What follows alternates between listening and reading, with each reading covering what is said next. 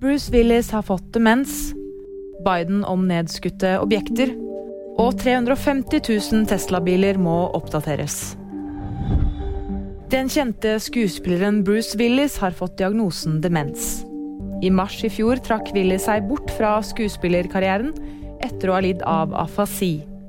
Torsdag deler ekskonen Demi Moore på sin Instagram at tilstanden hans har forverret seg, og at han nå har fått diagnosen frontotemporal demens.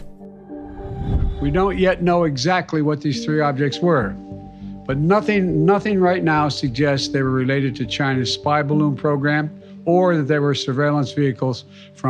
any other.